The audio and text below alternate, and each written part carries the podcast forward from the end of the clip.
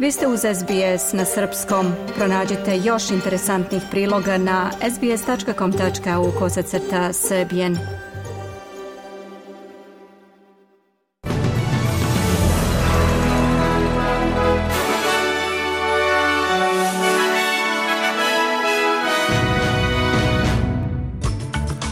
Zakon o klimatskim promenama prošao u Donjem domu parlamenta. Nancy Pelosi otputovala sa Tajvana, Kina ocenila njenu posetu kao ružnu političku predstavu. Potpisan temeljni ugovor između vlade Crne Gore i Srpske pravoslavne crkve.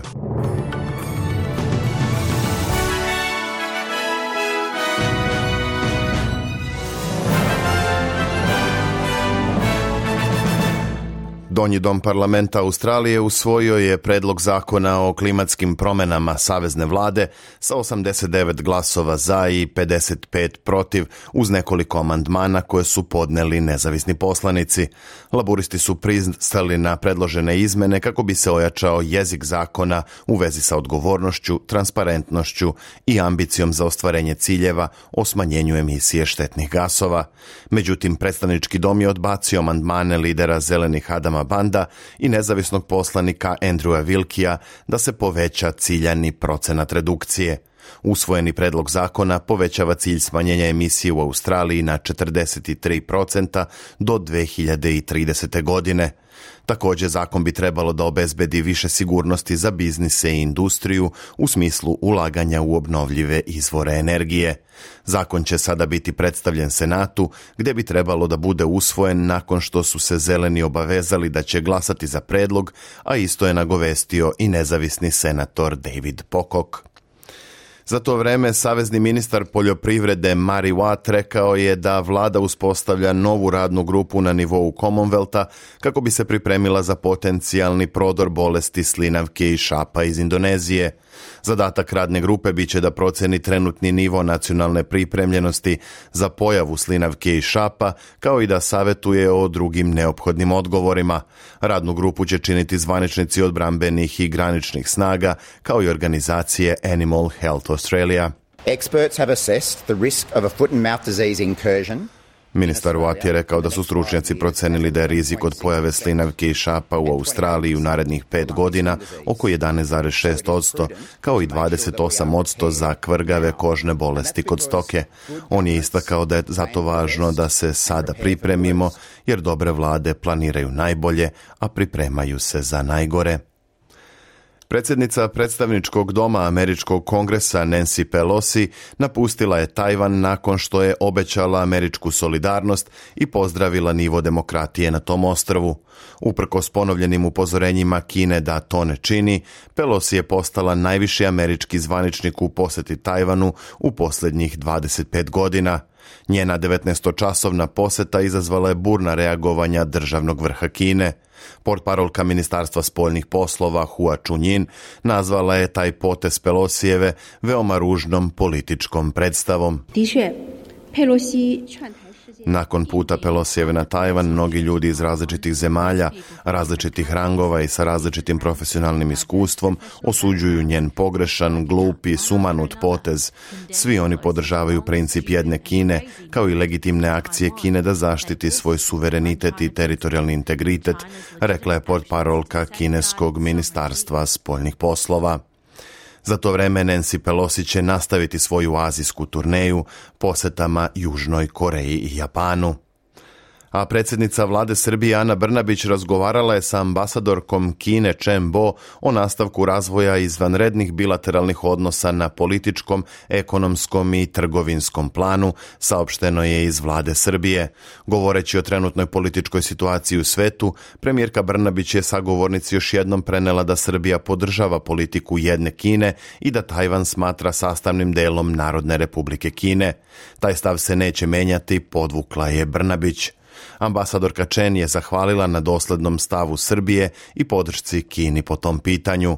Ona je dodala da Srbija, s druge strane, i dalje može da računa na kontinuiranu podršku Kine na međunarodnom planu, ali i razvoju i napređenje saradnje na drugim poljima, poput zelene agende, energetike i razvoja novih tehnologija. Za to vreme američki senat je odobrio pristupanje Finske i Švedske NATO-u, što je ocenjeno kao najznačajnije proširenje Saveza još od 90. godina. Senat je glasao sa 95 prema 1 za ratifikaciju zahteva za članstvo dve zemlje u NATO. Finska i Švedska su zatražile prijem u alijansu kao odgovor na invaziju Rusije na Ukrajinu. Američka senatorka Amy Klobučar je tokom debate istakla da je, citiram, ničim izazvana agresija Rusije u Ukrajini promenila način na koji razmišljamo o bezbednosti sveta. Zato snažno podržavam odluku ove dve velike demokratije, Švedske i Finske, da se pridruže najvažnijem odbrambenom savezu na svetu, NATO-u. Takođe, senator Josh Hawley je istakao da će širenje NATO zahtevati više američkih trupa u Evropi. Na osnovu martovskog dekreta ukrajinskog predsednika Vladimira Zelenskog, mirovne snage te zemlje počinju povlačenje iz misije KFORA na Kosovu, potvrđeno je Reutersu u NATO alijansi. Zelenski je početkom marta dekretom naložio svim pripadnicima mirovnih misija da se vrate kući kako bi pomogli u ratu protiv Rusije. Vest o povlačenju ukrajinskih trupa sa Kosova objavio je portal RBK Ukrajina, pozivajući se na izvore iz ukrajinske vojne komande. Neimenovani zvaničnik NATO alijanse potvrdio je za Reuters navode ukrajinskog portala, rekavši da povlačenje neće uticati na mirovnu misiju na Kosovu. Dekret Zelenskog još nije počeo da se primenjuje na mirovne misije u Africi, gde Ukrajina ima desetak vojnih helikoptera. Ukrajinski kontingent u okviru kvora sastoji se od 40 ljudi. Predsednik Srbije Aleksandar Vučić razgovarao je telefonom sa generalnim sekretarom NATO Jensom Stoltenbergom povodom zabrinjavajuće situacije na severu Kosova.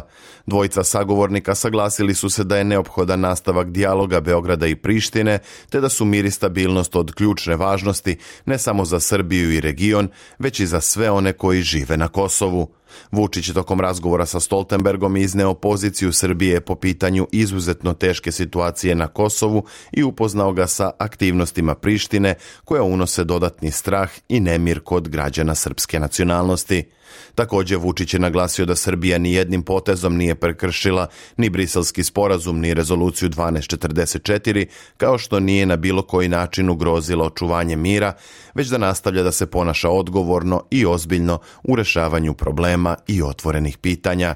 Generalni sekretar NATO Jens Stoltenberg izjavio je da je KFOR spreman da interveniše na osnovu svog mandata u Jedinjenim nacijama ukoliko je stabilnost ugrožena. Razgovarao sam s predsednikom Srbije Aleksandrom Vučićem o tenzijama na severu Kosova. Sve strane se moraju konstruktivno angažovati u dijalogu u kojem posredu Evropska unija i rešiti razlike putem diplomatije, napisao je Stoltenberg na Twitteru. Godišnjica vojno-policijske akcije Oluja tokom koje je početkom avgusta 1995. godine zabeležen najveći egzodus Srba od drugog svetskog rata, u Hrvatskoj će i ove godine biti obeležen kao praznik, dan pobede i domovinske zahvalnosti i dan branitelja. U Srbiji će godišnjica biti obeležena danas komemorativnim skupom na Trgu Slobode u Novom Sadu. Centralno obeležavanje Hrvatska tradicionalno organizuje u Kninu, gde će predsjednik Zoran Milanović danas prirediti prijem za ratne komandante. Milanović će tom prilikom uručiti odlikovanja, medalje i unaprediti neke pripadnike oružanih snaga Hrvatske, saopšteno je iz njegovog kabineta.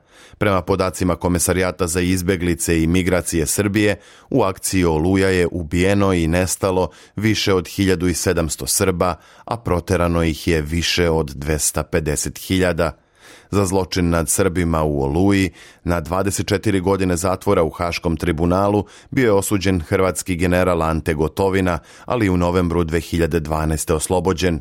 U Hagu se uz gotovinu sudilo i hrvatskim generalima Mladenu Markaču i Ivanu Čermaku za progone deportacije, ubistva, zločine protiv čovečnosti, pljačku imovine, kršenje zakona i običaja ratovanja.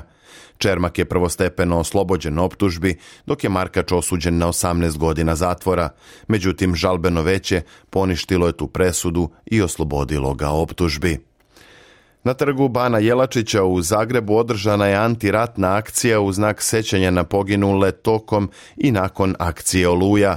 Sa skupa je upućena poruka da su počinjeni zločini odgovornost države i da ih treba procesuirati i odati počast svim žrtvama.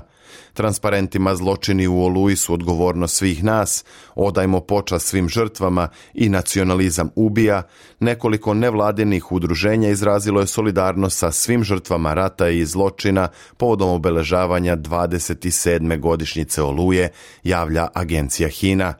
Antiratni protest organizovali su udruženje Centar za žrtve rata ROSA, Centar za građansku hrabrost, Inicijativa mladih za ljudska prava, Udruženje za društvena istraživanja i komunikacije UDIK iz Sarajeva i Ženska mreža Hrvatske.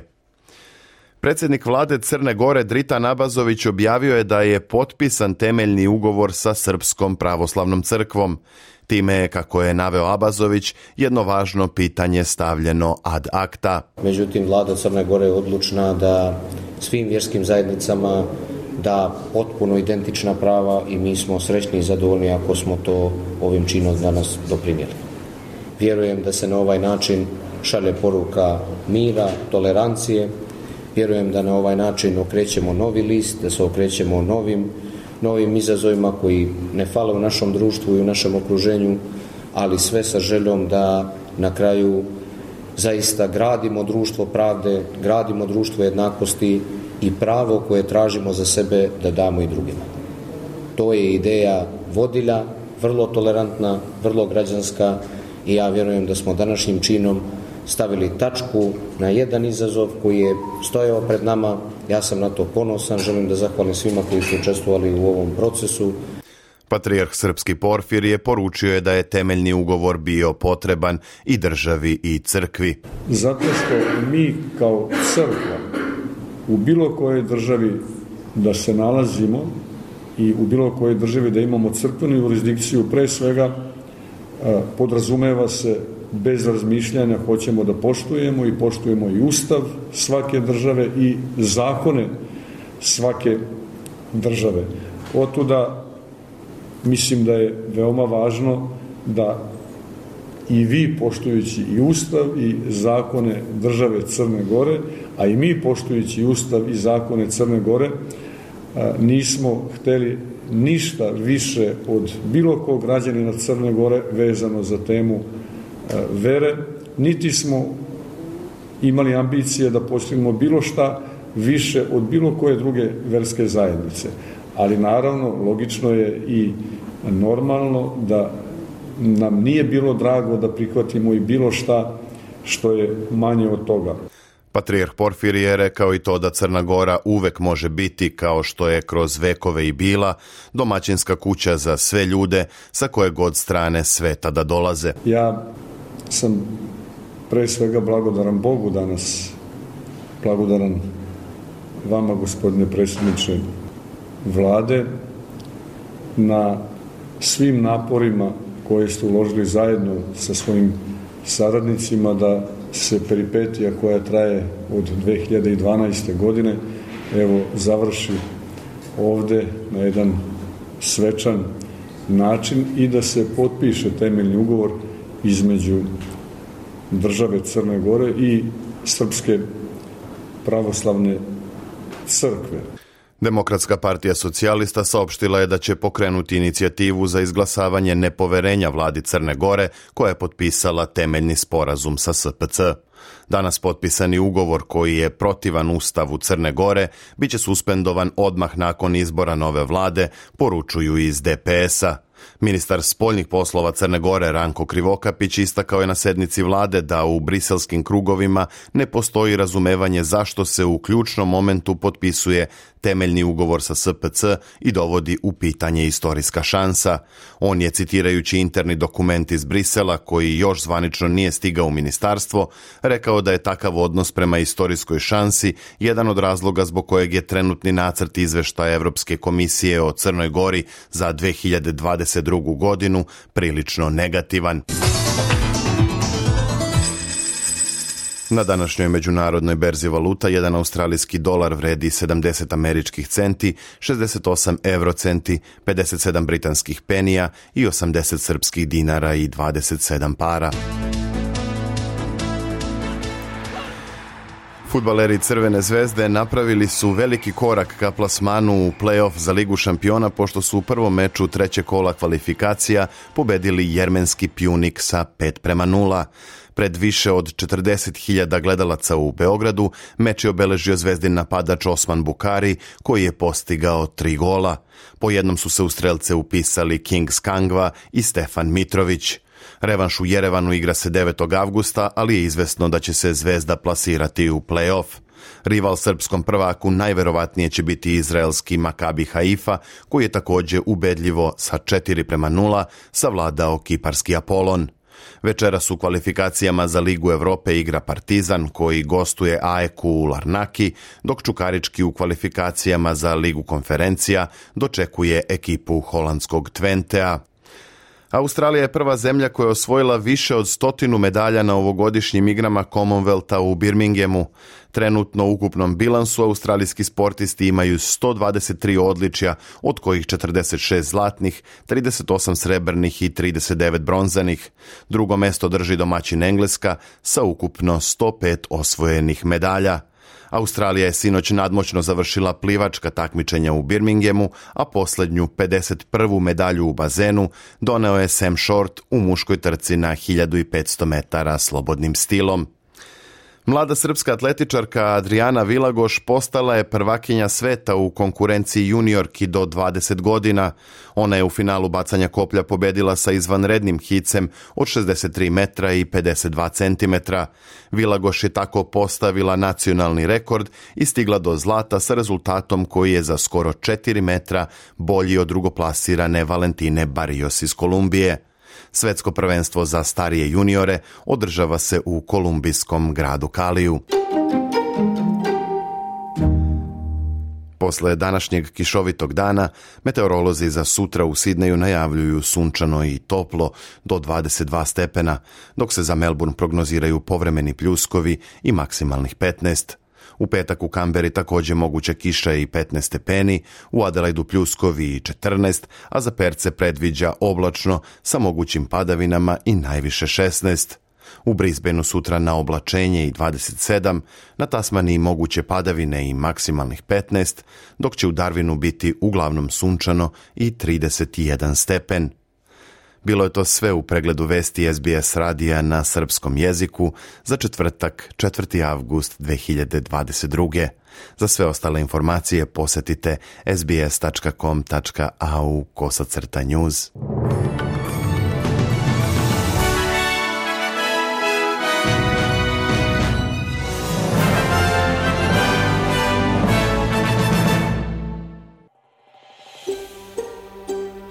Želite da čujete još priča poput ove?